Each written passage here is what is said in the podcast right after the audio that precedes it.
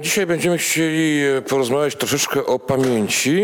Mm, o pamięci e, związanej oczywiście z obozem Auschwitz, czy na przykładzie pamięci związanej z obozem Auschwitz, ale, ale w kontekście pamięci realizowanej dzisiaj w, w, w tych naszych latach i w oparciu o miejsca pamięci jako takie. Nie jest to pamięć nie wiem, na podstawie podręczników, na podstawie programów szkolnych, na podstawie, nie daj Boże, wypowiedzi polityków, tylko na podstawie miejsc pamięci, czy instytucji, które zostały ustanowione po II wojnie światowej generalnie. Tutaj mamy taką mało y, czytelną mapkę, to jest z Paryża, z, z, z takiego upamiętnienia jeszcze z lat późnych 50., jeśli się nie mylę. E, mamy Europę, prawda, gdzie jest e, bardzo dużo większych, mniejszych obozów, obozy zagłady, obozy koncentracyjne, obozy pracy, obozy jenieckie, oficerskie i tak dalej, i tak dalej, i tak dalej. E, z małymi obozami przy jakichś fabryczkach i tak no wiadomo, no, wiele się nie wymyśli, baraki się burzy, fabryczki się używa dalej. Z większymi obozami pada pytanie po wojnie, co zrobić, bo jednak są ocalali, bo jednak jest historia, historia, bo ta historia jest dramatyczna. E, I powstają tak naprawdę bardzo różne wersje czegoś, co dopiero później zaczyna się nazywać miejscami pamięci.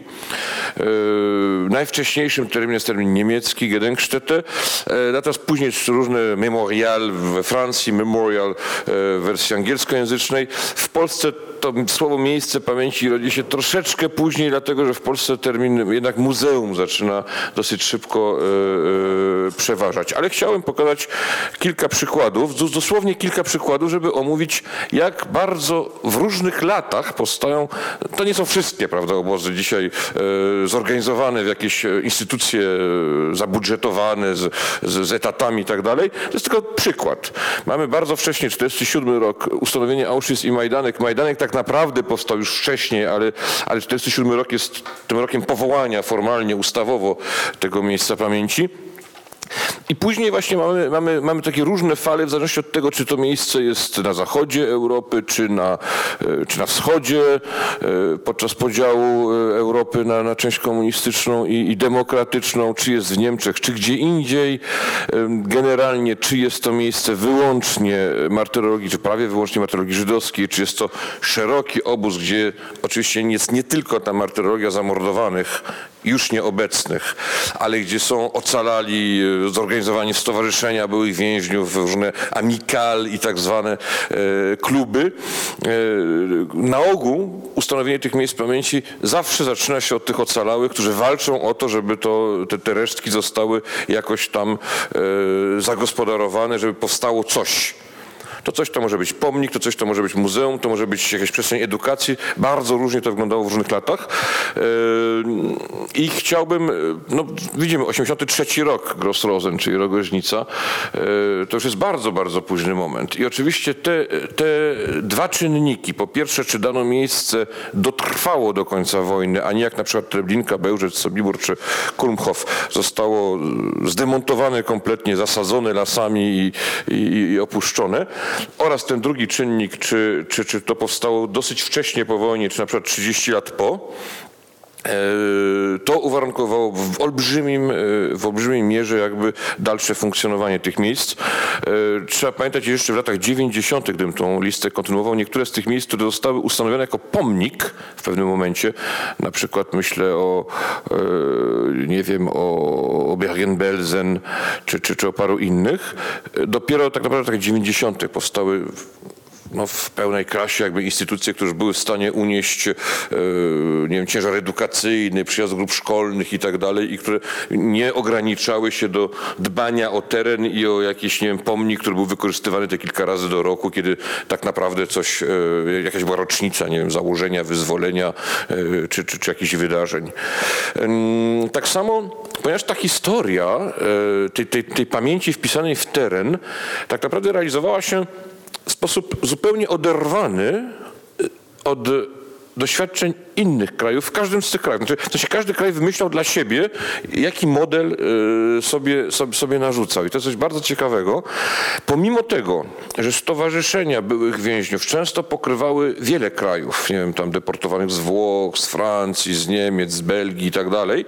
E, Mauthausen to jest świetnym przykładem, gdzie to naprawdę to było bardzo międzynarodowe e, ugrupowanie byłych więźniów. To de facto tak naprawdę struktura danego miejsca była strukturą wymyśloną przez dane państwo w zupełnym oderwaniu od tradycji, które powstały w innych państwach. I mamy tutaj kilka przykładów. W Niemczech Dzisiaj miejsca pamięci, te największe, są tak naprawdę podległe fundacjom stworzonym przez landy. E, na przykład, e, nie wiem, Flossenbürg i Dachau są częścią tego samego organizmu landowego Bawarii, chociaż są oddzielone o wiele godzin samochodu, 3-4 godziny co najmniej.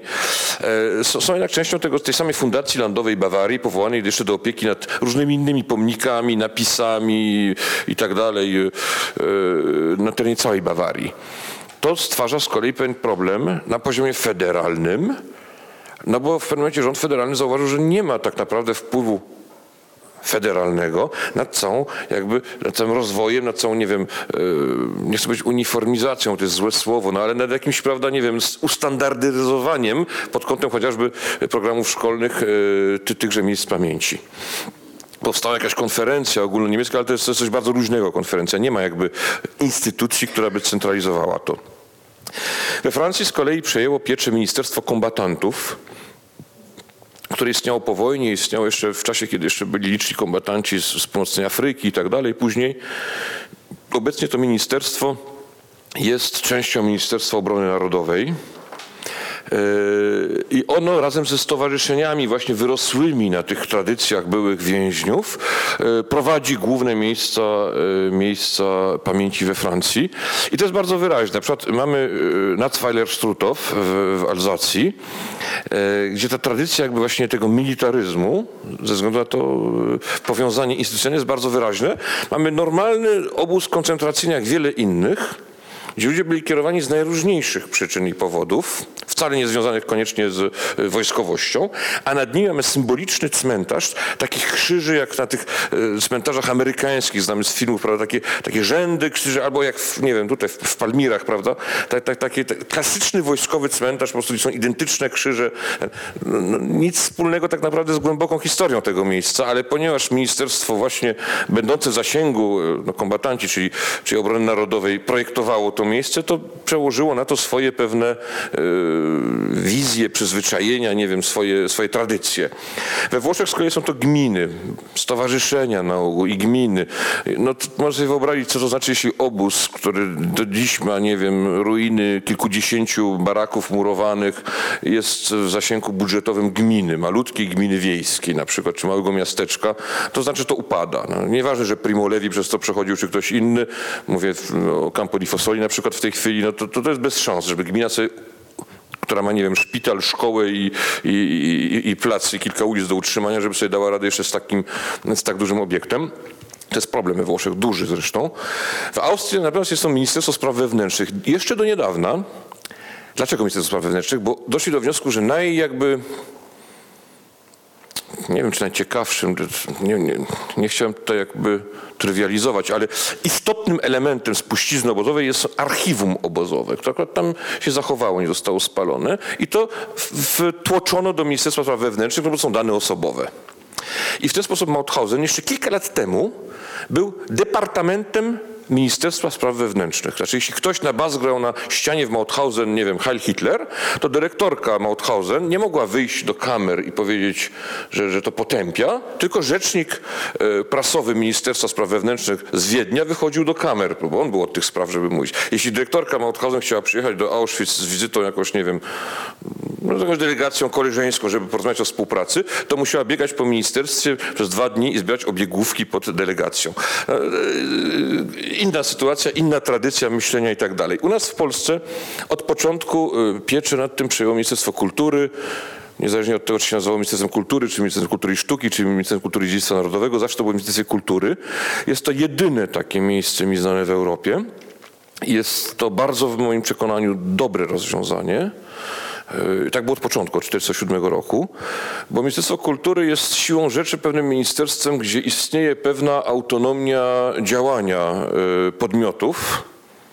Filharmo- powinna istnieć, no, bywa różnie, jak wiemy, ale e, e, filharmonii, nie wiem, muzeów, e, teatrów i tak dalej.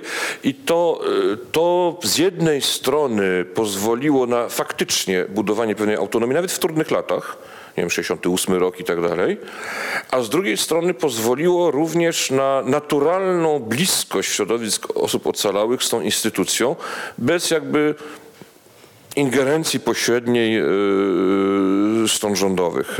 Yy, I to widać w różnych miejscach. Czasami in plus, jak na Majdanku czy, czy, czy, czy w Auschwitz, czasami in minus, tam gdzie tych środowisk zabrakło, jak w Treblince, jak, jak w Sobiborze. Znaczy to, to, to, to jest historia, która, która ma swoje oczywiście dobre i złe strony. I jak mówiłem, drugim czynnikiem bardzo ważnym to jest to, czy coś zostało. Tu mamy przykład Sobiboru właśnie. Oprócz tego jeszcze był jeden pomniczek, czy, czy, czy drugi, dwie, trzy alejki w lesie i koniec. W tej chwili tam powstaje prawdziwe upamiętnienie z muzeum, z parkingiem dla autokarów szkolnych i tak dalej, ale to jest, to jest naprawdę w tej chwili, że, będzie gotowe myślę za jakiś rok, półtora. Eee, w lasach, prawda, po jeziorza Łęczyńsko-Włodarskiego, tam mm, no, mało kto w ogóle zagląda. Eee, Myślę, że teraz to ma szansę się troszeczkę obudzić. Ale nic nie zostało, prawda? Tak jak w Treblince, no po prostu wszystko zostało zdemontowane, zasiany las i adios. E, tu mamy inną sytuację, e, tu mamy Bergen-Belsen właśnie. W Bergen-Belsen było bardzo ciał niepochowanych w chwili wyzwolenia. E, Było poważne ryzyko tyfusu, więc wszystko zostało spalone i zdemontowane przez aliantów. No i teraz mamy takie polanki w lesie i takie, e, na takich stołach takie, takie makiety jakby z, z brązu, które mają mm, uzmysłowić, co tutaj było, gdyby nie było tych lasów i tych polanek. No jest absurdalne kompletnie, bo człowiek widzi tą polankę i widzi tą makietę i, i ma kompletny dysonans poznawczy, bo to ani kształtem, ani niczym w ogóle do, do niczego się nie, się, nie, się, nie, się nie ma. E, No ale w każdym razie jest takie miejsce, które jakoś tam e, próbuje, próbuje przedstawić tą przestrzeń, biorąc pod uwagę, że przestrzeń została zniszczona czy anihilowana prawda, po, po, po wyzwoleniu z przyczyn właśnie e, z przyczyn zagrożenia e, epistemologicznego. Mamy sytuację zupełnie inną, to jest słynna brama wjazdowa do Guzen. O ile Mauthausen został zachowany w formie muzeum, Guzen e, to była miejscowość, która tam po prostu urosła, tak, takie średnio bogate austriackie, czy jak na polskie warunki bardzo bogate domki, wille, e, e, ogrody. E, I jeden z tych domków to jest zaadaptowana brama wjazdowa tutaj do, do, do, do Guzen. Tam widzimy sobie jakieś wejście, może jakiś salonik, tam ludzie mieszkają i tak dalej. To jest ich ogródek, to jest brama na pierwszym rzędzie, na pierwszym planie. Chyba. Tak, to jest prywatny dom zupełnie, no wykupione po prostu. No tak jakbym, nie wiem, w Birkenau, prawda, w bramie wjazdowej zrobił, zrobił, też by się dało zrobić, nawet może dwa domki by się dało, bo to jest większy obiekt.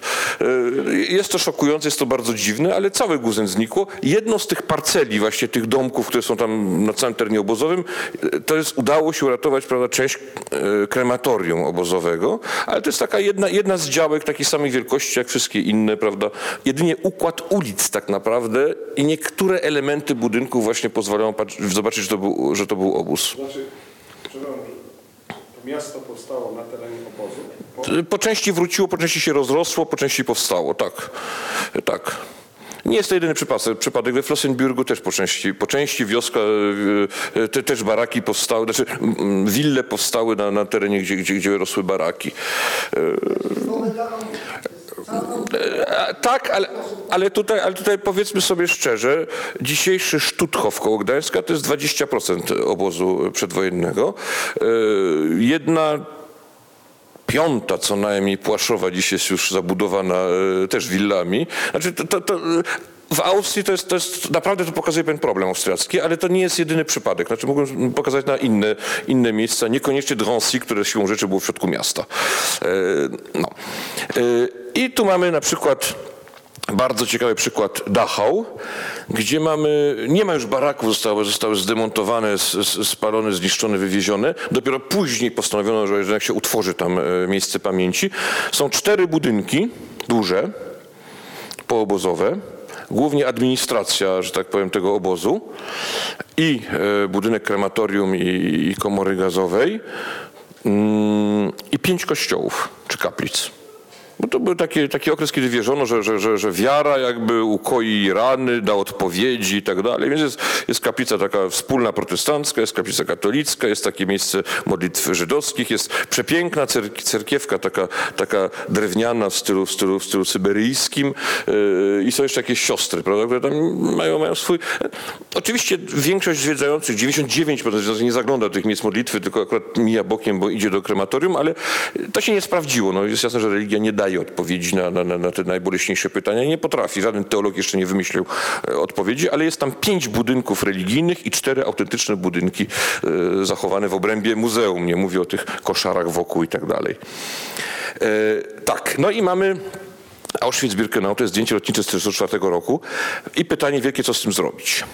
No i pytanie, które się ciągnie ze dwa lata w, w mediach, odradzającej się prasie. Głównie biorą w nim udział byli więźniowie i, i, i są różne propozycje, zaorać, bo to i tak nikt nic nie... Kto tam, ten, kto tam nie był, nie zrozumie, albo zmienić coś negatywnego, coś pozytywnego, może sierociniec wielki, bo jest tyle przecież dzieci bez, bez rodziców po tej wojnie, a może w jakiś uniwersytet po prostu, no bo to było coś tak złego, że trzeba zrobić coś dobrego. No, różne propozycje są, są, są wysuwane, w końcu pada, zwycięża jakby propozycja zrobienia czegoś na zawsze i, i powstaje muzeum, które jednak obejmuje, jak wiemy dobrze, wyłącznie Auschwitz I, nie wiem, co się będzie świeciło, tak, tutaj i ogromny Birkenau tutaj. Rzecz ciekawa, argumentacja jest taka, że te dwie tylko części wystarczą, żeby opowiedzieć historię całości.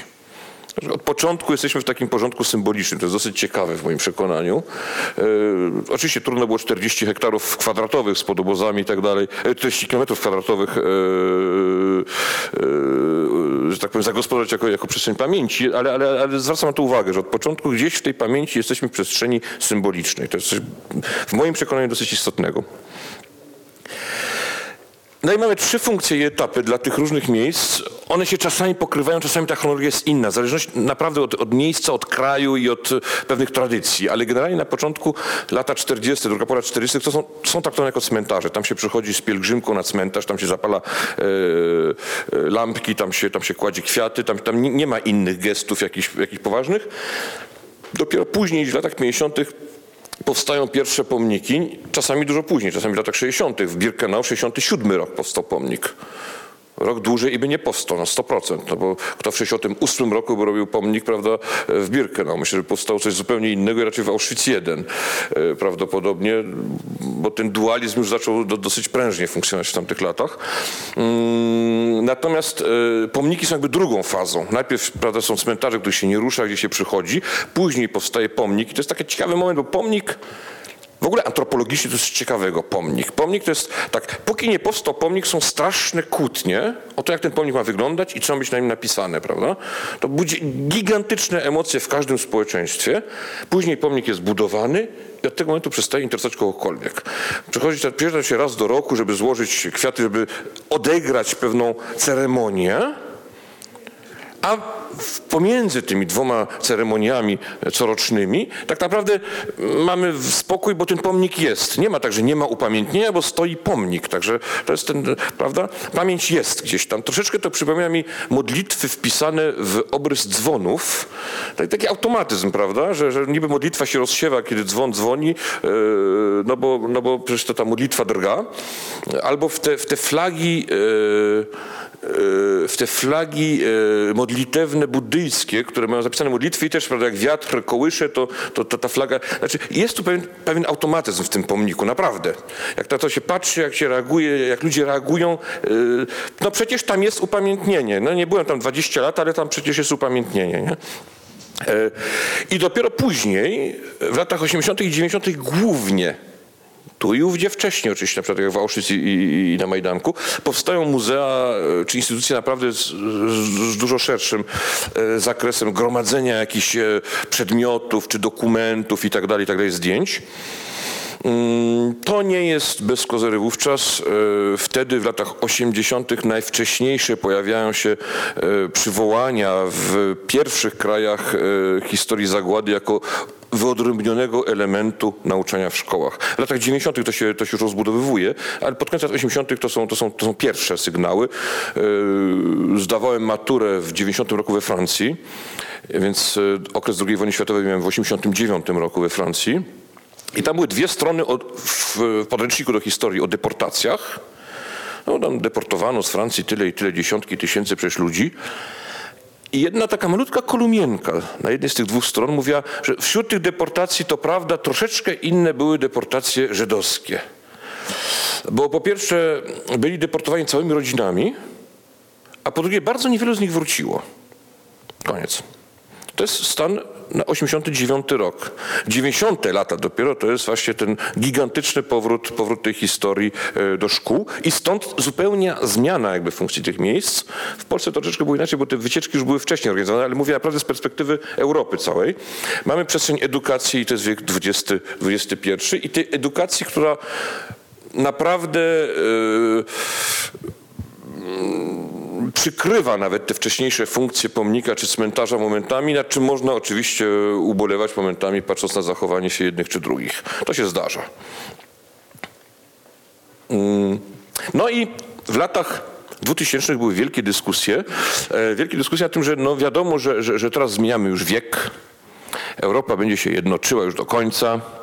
Pokolenia się zmieniają, są nowe problemy, nowy świat. Zobaczycie, do takiego Auschwitz będzie przyjeżdżało coraz mniej ludzi. No to jest normalne, historia się zmienia, przekręcamy stronę, budujemy nowy świat. Y, to były słynne takie, takie, takie, takie przepowiednie. Nie będę za bardzo złośliwy, się będę mówił, że one pochodziły z, z, z, w dużej mierze z, kręgu germańskiego, kulturowego, ale były głośno wypowiadane w, w tamtych latach 2000, 2001, 2002, 2003. Denerwowały strasznie, ale no czemu nie? No to, to jest jakaś tam, jakaś tam prawda, próba prorocka określenia, czym będzie pamięć w przyszłości. No, kto dzisiaj prawda, ubolewa nad wojnami napoleońskimi? No nikt. No. Więc trochę była taka, taka wizja prawda, tego. No nic się nie sprawdziło. Jak widzimy, 2001 rok 500 tysięcy, 2019 rok 2,320, jeśli dobrze pamiętam, 2 miliony 320 tysięcy. E, to jest Auschwitz tylko oczywiście. Najwięcej jest, jest w Auschwitz, ale to pokazuje jakby generalny trend. Ten trend jest niższy wzrostowo. Znaczy jest, jest, jest słabszy w innych miejscach, ale generalnie jest wzrostowy wszędzie. I to jest coś ciekawego. Przecież dzisiejszy nastolatek, nawet dzisiejszy student, jego dziadek na ogół już się urodził po wojnie. Proszę zwrócić na to uwagę. Na ogół. A to, co się stało mojemu dziadkowi, to jest moja historia. To, co się działo pradziadkowi, to jest już taka historia rodzinna, to się opowiada. Prawda? To jest ta bariera bardzo, bardzo specyficzna tej pamięci. Na ogół, jeśli nie ma jakiejś tragedii typu, nie wiem, utonięcie statku, wszyscy wiedzą, gdzie są pochowani obydwoje rodzice, jeśli już nie żyją. Raczej się wiedzie, są pochowani cztery dziadkowie i babcie. Osiem grobów pradziadków i prababci to, to, to, to już mało kto jest w stanie wskazać. To jest różnica pokoleniowa naprawdę fundamentalna dosyć. E, no a i pomimo tego prawda, to wszystko wzrasta. Ja tutaj pokażę tylko z ciekawości dla Państwa e, główne kraje. Polska to jest to, to, jest to szare, prawda? E, tutaj Widzimy, że to jest no, no, no, no, mniej w tej chwili niż, niż, niż jedna piąta. Wielka Brytania, USA, Włochy, tak pomiędzy 100 tysięcy, ponad 100 tysięcy. Potem Niemcy, Hiszpania, Francja, Izrael, no, poniżej już 100 tysięcy. No, potem już są poniżej 50 tysięcy. Jeszcze tutaj mamy i o, o dziwo Irlandię, która bardzo wysoko wyskoczyła. Szwecję, no i pozostali. Tu jest wśród tych pozostałych tro, pewna grupa, których nie jesteśmy pewni, których nie chciałem kwantyfikować, bo czasami jest tak, że przyjeżdżą bardzo mieszane grupy i nie jesteśmy pewni do końca y, przynależności. Także tu jest pewien, pewne pole jakby błędu statystycznego, ale to jest błąd statystyczny. To nie jest, to nie jest tak, że, że to nie odzwierciedla pewnych proporcji y, wielkościowych. Y, tak. No i ci ludzie przyjeżdżają, prawda, i, i zwiedzają e, miejsce pamięci, które, się, które nie proponuje takiej wystawy jak e, jak, nie wiem, Muzeum e, Powstania Warszawskiego, czy Muzeum Historii jakieś, gdzie jest pewna narracja od początku do końca, gdzie się przechodzi przez, tak jak w Polin, przez pewien tunel, prawda, gdzie jest wejście, początek historii, rozwój historii, koniec historii, prawie że podsumowanie i wyjście. Nie, zdecydowanie nie. Tutaj mamy sytuację zupełnie inną. To jest muzeum, które od początku od 55 roku i tej, wystawy, która do dzisiaj w du- w dużej mierze jest, próbowało raczej mieć zupełnie inne podejście niż historyczno-narracyjne. Yy, Jest to podejście, które ja sobie nazywam, bo tak mi się wydaje, że jest, wtedy się tak to nie nazywało, yy, fenomenologiczne po prostu. To jest muzeum, które pokazuje, a nie opowiada. Opowieść owszem jest, ale ona jest w ustach przewodnika, który przeprowadza te grupy. Samo muzeum, sama wystawa pokazuje, to są te sterty butów, to są sterty okularów, to są te walizki i tak dalej, dlatego że to jest niezbędne zrozumienie, czy ogarnięcie, czy, czy, czy wyobrażenie sobie wielkości, zanim się nie wyjdzie w teren i nie zwiedzi się reszty terenu. Yy, A w terenie spotyka się prawda, głównie, głównie, głównie autentyzm i ten autentyzm jest tym, co tak naprawdę e, przez co człowiek przechodzi.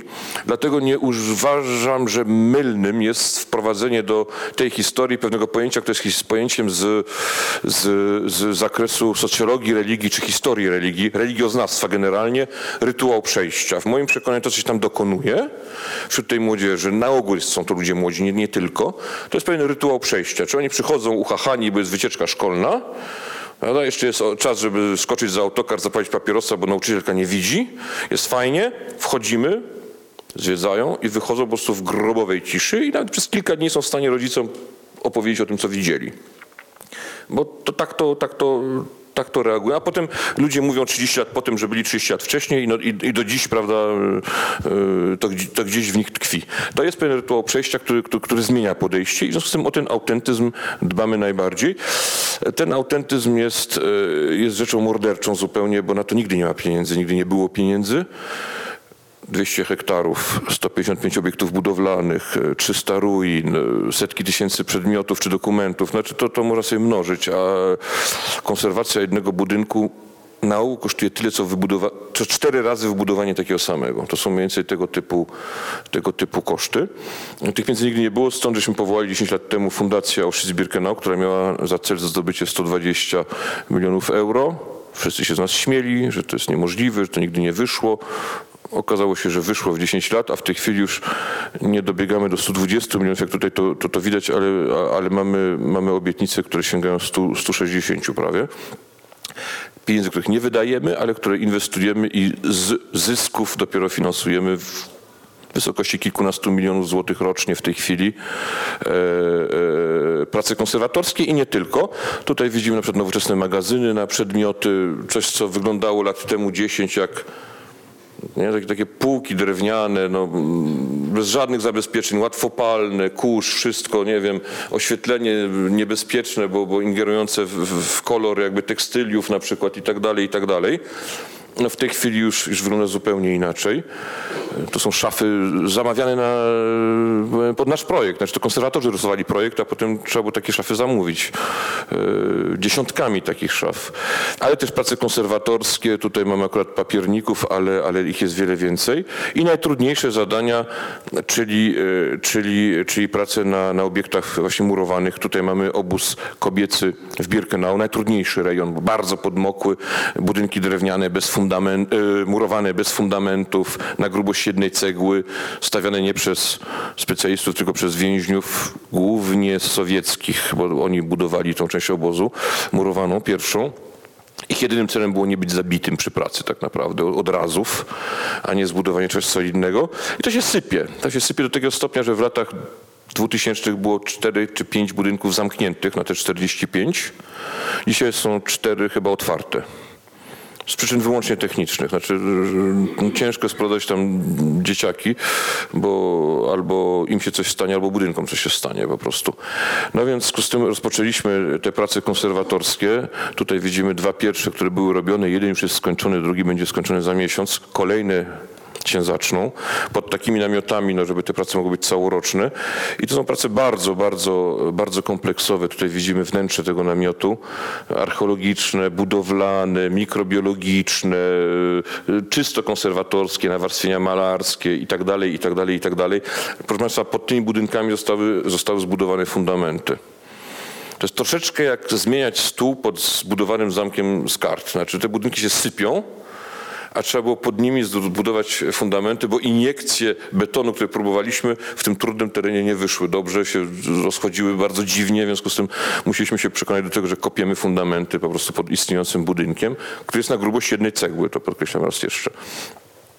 No ale dzięki tej fundacji udało się stworzyć, e, stworzyć e, ekipę dyplomowanych konserwatorów. No, przyszedłem, tam było, nie wiem, 6-7 osób. W tej chwili mamy ich ponad 30, bardzo różnych branży. Plus oczywiście mm, pomoce różne, nie wiem, no, architekci, inni tam, jak mówię, chemicy, mówię o, o konserwatorach. To jest w tej chwili, do niedawna to było jedyne muzeum, miejsce pamięci na świecie, które miały własną ekipę konserwatorską. W tej chwili Majdanek ma jeden etat. Yy, I kolejne miejsce pamięci w autentycznym terenie, które ma swoją ekipę konserwatorską dwuosobową, to jest Phnom Penh, więzienie w, w Kambodży.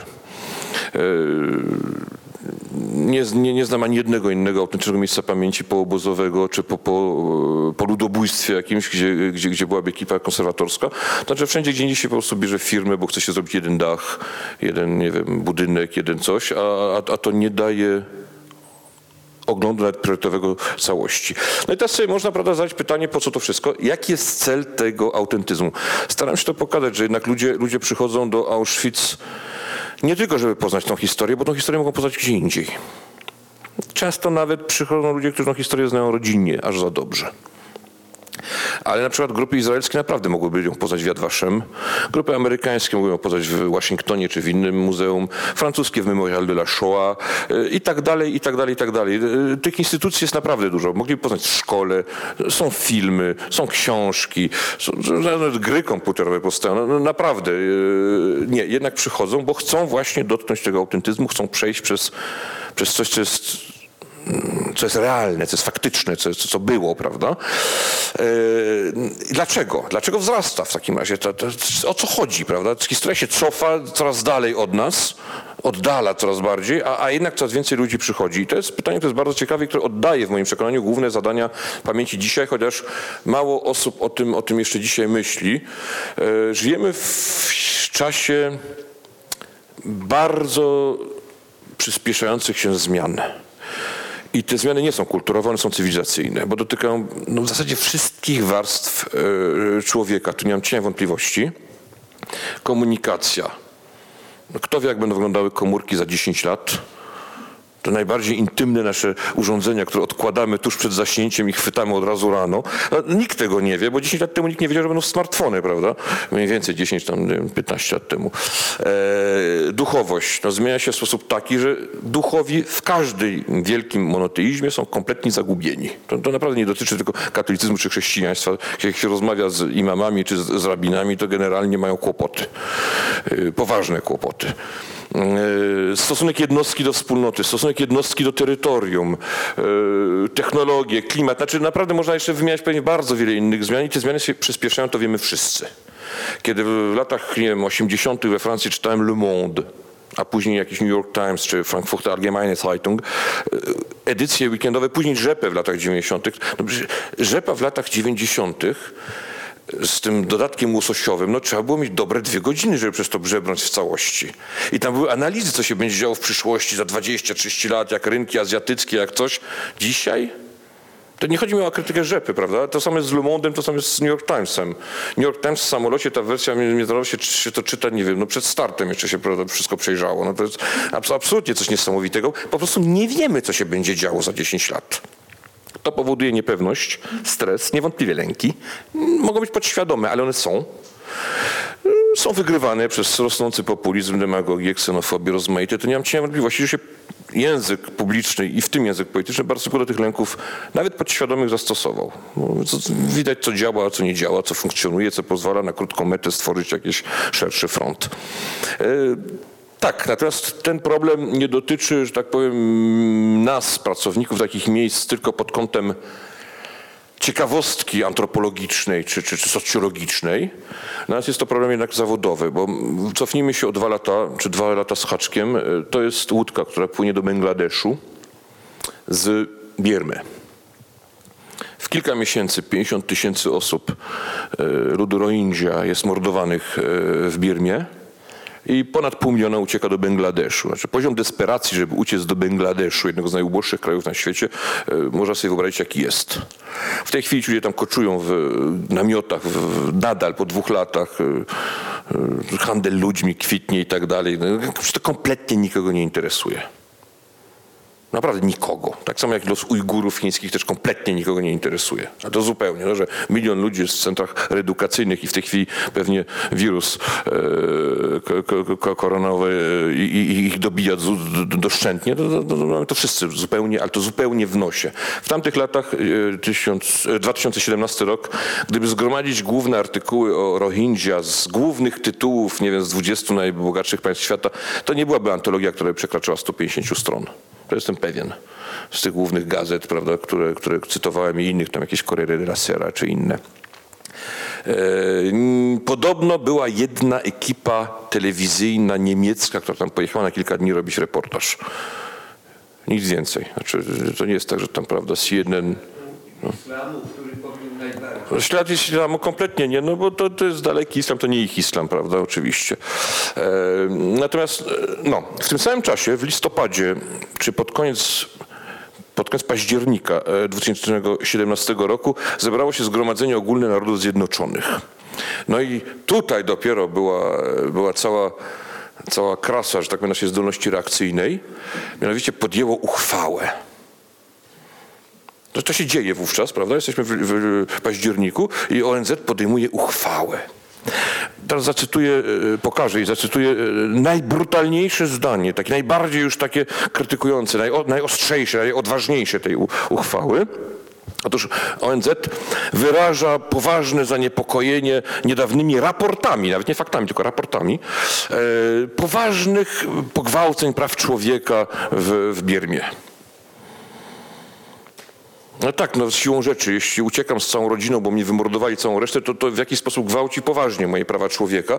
To, to, to, to, to było naj, najostrzejsze zdanie półtora stronicowej e, uchwały ONZ-u, organizacji powołanej jednak po II wojnie światowej do tego celu przede wszystkim. Przede wszystkim, no. E, no. I to, jest, I to jest pewien problem, bo w tym 2017 roku po raz pierwszy przekroczyliśmy 2 miliony odwiedzających w Auschwitz. I byliśmy z tego dumni.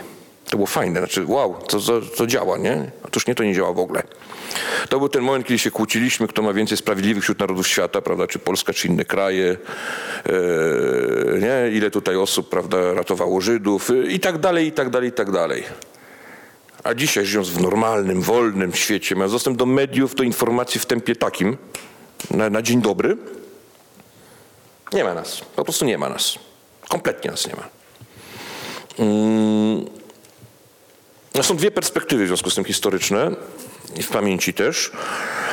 No albo patrzymy na tą przeszłość i ją nazywamy po imieniu, ją oceniamy. Taka historyczna bardzo, tak jak sobie możemy ocenić wojny napoleońskie albo, nie wiem, sukcesy Chrobrego we wprowadzeniu e, chrześcijaństwa e, metodą wybijania zębów tych, którzy nie przestrzegali postów.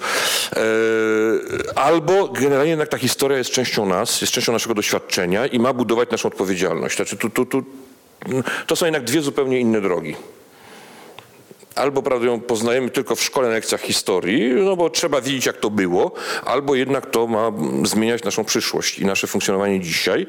I to jest coś, co nie funkcjonuje zupełnie. Doskonale sobie mogę wyobrazić w chwili obecnej, mówię na skali naprawdę świata, a, a na pewno Europy, e, Europę, która doskonale pamięta o zagładzie, pamięta o innych tragediach, o komunizmie i tak dalej, ale kompletnie nie wyciąga z tego wniosków na przyszłość, ale żadnych.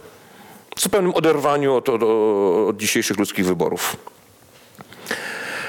No i to jest ten problem, prawda, że, że bojąc się bardzo negacjonizmu obecnego faktycznie, zwłaszcza na Europie Zachodniej w latach 80., w latach 90. jakby całe to nauczanie, cała ta pamięć została oparta, właśnie wtedy, kiedy edukacja wzrastała, została oparta prawie że wyłącznie na szkole i na lekcjach historii, ale wyłącznie historii.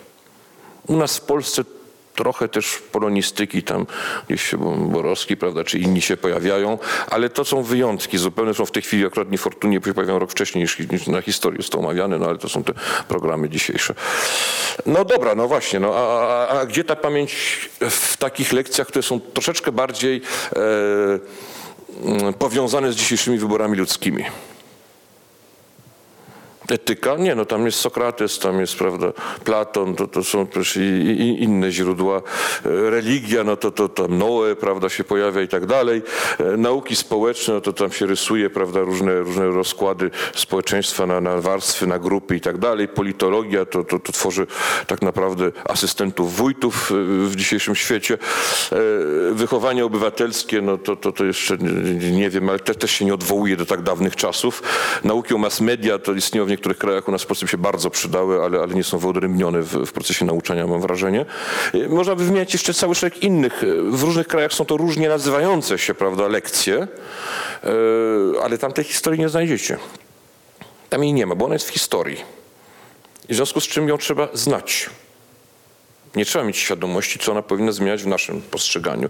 I to jest w moim przekonaniu największy problem na przyszłość. Kilka przykładów, jak sobie próbujemy z tym radzić. W Auschwitz jest, jesteśmy na początku tej, tej, tej drogi zmian pewnych, wprowadzania pewnego moralnego niepokoju. Ponownie niestety do, do, do, do procesu zwiedzania. Nie smutku, że Anne Frank zginęła. No, zginęła, owszem, to jest bardzo smutne, ale moralnego niepokoju właśnie. To jest coś zupełnie innego. E, No przede wszystkim no, szkolimy, szkolimy dalej e, przewodników. E, Mamy ich 300 kilkudziesięciu, prowadzają w 22 językach po to, żeby, żeby ta młodzież rozumiała naprawdę, co się tam dzieje, a nie żeby byli skazani na język angielski, którego nie muszą znać. Rozwijamy coraz częstsze e, procesy edukacyjne nie tylko dla młodych ludzi, ale dla grup szczególnie zagrożonych. To są żołnierze, to jest straż więzienna, to są więźniowie w dzisiejszych więzieniach. No, ze 25 tysięcy osób przeszkolonych w ciągu ostatniej dekady z polskich więźniów. E, Z pewnymi sukcesami, mm, ograniczonymi, ale, ale miernymi. E, To są różne grupy zawodowe. Tu mamy akurat księży. Oni też niosą pewien przekaz i, na, i naprawdę to nie jest tak, że, że, że, że, ochoczo prawda, wracają w grupach, żeby, że, że, żeby to przemyśleć. Akurat tu Augustianie owszem, no, ale to, to jest pewien dobry wyjątek. Wychodzimy na zewnątrz. Tutaj miałem możliwość właśnie przemawiania w tym nieszczęsnym ONZ-cie. Jezus Maria, chyba nigdy więcej. To było jedno z najbardziej dołujących momentów mojej, mojej kariery, gdzie człowiek mówi, w, no, w 150 jakichś ambasadorów na sali, człowiek wypruwa z siebie no co może, żeby prawda, w te w półtorej godziny coś przekazać, a potem oni stają jeden po drugim i mówią, tak, mój kraj właśnie implementuje e, załącznik 48C do uchwały numer 28.2 e, i będziemy to sprawozdawać w terminie przewidzianym w paragrafie czwartym. No tak jeden po drugim. No, po 20 takich, takich e, spostrzeżeniach ja wiem, że to, jest, to, znaczy, to, to nie tu się dzieje ta historia. To jest to, to Société des Nations. To było coś żywego, prawda, przed wojną w porównaniu do tego, co, co, co, co, co tam się widzi. Niestety.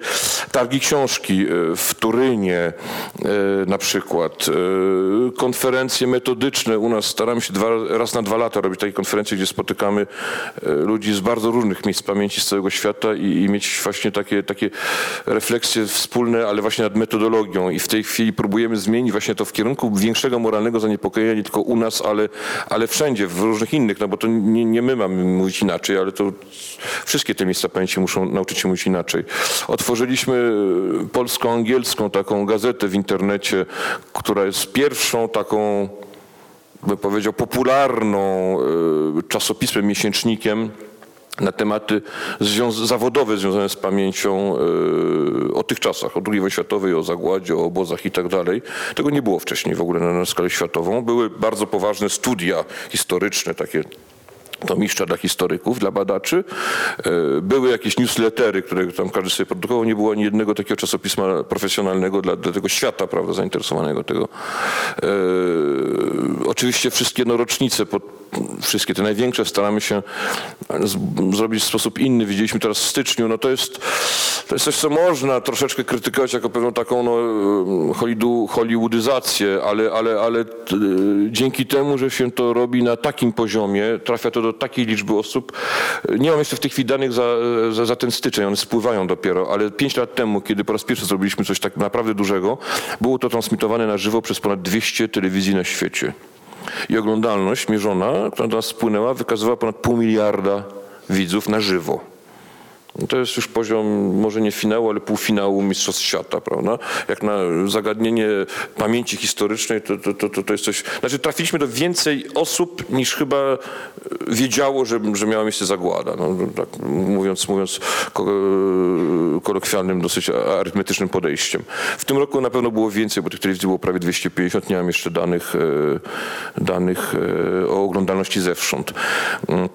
Pod koniec zeszłego roku otworzyliśmy w takim opuszczonym budynku, to jest tak zwany Karmel, o który były kłótnie w latach 80. i na początku 90. Otworzyliśmy e, nowoczesne bardzo centrum edukacji z dużą salą, z siedmioma salami klasowymi. To nam pozwoli, pozwoli e, na inną skalę rozbudować nasze, nasze działania edukacyjne. Nie tylko zwiedzanie, ale właśnie potem jakieś prelekcje, puszczanie filmów, konferencje, dyskusje, warsztaty i tak dalej. E, No, rozbudowujemy dalsze, dalej infrastrukturę, która ma być pomocniczą, to nie będę o wszystkim mówił. Tworzymy nową e, wystawę główną, która zmieni wystawę aktualną. Ona pozostanie wystawą fenomenologiczną, ale pokaże trochę więcej. Na przykład pokaże, pokaże tą część, której nie widać na dzisiejszej wystawie, czyli, czyli pokaże Auschwitz jako pewien projekt spójny i logiczny z punktu widzenia Sesmanów. Pokaże ekipę obozową, e, pokaże powiązania tej instytucji z firmami, z e, instytucjami e, rządowymi, z dostawcą prądu na przykład i tak dalej, i tak dalej, bo to, to, to nie jest tak, że to jest taka trybinka w lasach, prawda, o której można mówić, że nikt nie, nie słyszał. Nie, nie, to jest coś absolutnie innego. Absolutnie innego zostaną te wielkie symbole, które widzimy dzisiaj, one będą dużo bezpieczniej pokazywane. Mam nadzieję, że uda się stworzyć gabloty beztlenowe dla tych e, rzeczy, które są bardzo trudne w konserwacji, typu walizki, buty czy, czy włosy ludzkie. Zobaczymy jeszcze. Ale wychodzimy z wystawami też na zewnątrz. Tutaj mamy wystawę, którą na 3000 metrów kwadratowych pokazaliśmy w zeszłym roku w Madrycie przez prawie cały rok. Zwiedziłem 600 tysięcy osób, wszystkie szkoły z całego regionu madryckiego. W tej chwili ta wystawa jest w Nowym Jorku i, i, i też no, po prostu tłumy tam, tam to oglądają. Większość dni w tygodniu jest, jest full po prostu już. Nie, nie, nie, ma, nie ma wstępu tam. To jest pierwszy raz, kiedy takie duże wystawy, gdzie są 800 czy 900 przedmiotów oryginalnych, no, po prostu krążą, krążą po świecie. Bo jednak wyszliśmy z założenia, że w ciągu ostatniej dekady jeden, jedna dziesiąta promila, dobrze mówię, czy, czy jeden promil, już mi się mylą te liczby, nas odwiedziło. Ludzi ze świata, no to znaczy, że 99,9 albo 99,99, już nie pamiętam, nie odwiedziło, no bo nie mają pieniędzy, nie są gdzieś to za daleko i tak dalej. Próbujemy wychodzić coraz bardziej na, na zewnątrz. Tworzymy również instytucje instytucje e, zaprzyjaźnione. No, stworzyliśmy prawda, dla zachowania autentyzmu lat temu 10 Fundację Auschwitz-Birkenau.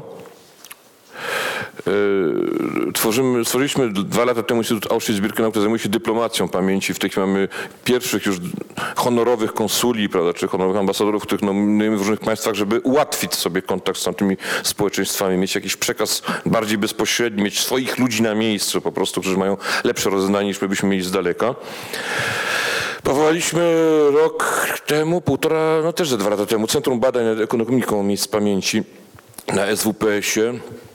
Bardzo duży program badań w tej chwili, w tej chwili trwa. Chcemy w przeciągu trzech lat zaproponować jednak troszeczkę nowe rozwiązania praksologiczne, budżetowe też, e, zarządcze e, dla, dla, dla miejsc pamięci. W celu wymiany tych doświadczeń powstało rok temu Towarzystwo Zarządzania Miejscami Pamięci, które się rozrasta i ma, ma, ma, no będzie ogólnoeuropejskim e, takim dosyć dużym tworem. No i w tej chwili szukamy również nowych rozwiązań edukacyjnych na, na, na skalę tak naprawdę szerszą niż polską, e, właśnie próbując gdzieś przebić się przez ten taki no, marazm jakby etyczny, prawda, gdzie pamięć jest coraz pełniejsza, coraz więcej ludzi naprawdę ma świadomość, że coś takiego miało miejsce, e, natomiast nie pociąga to za sobą nie tylko nie pociąga jakby nowej odpowiedzialności, ale mam wrażenie, że coraz bardziej się alienujemy, coraz bardziej się zamykamy na sobie i coraz jesteśmy mniej reaktywni wobec dramatów, które się dzieją na świecie. I tyle moim przydługim jak zwykle wstępem. Dziękuję.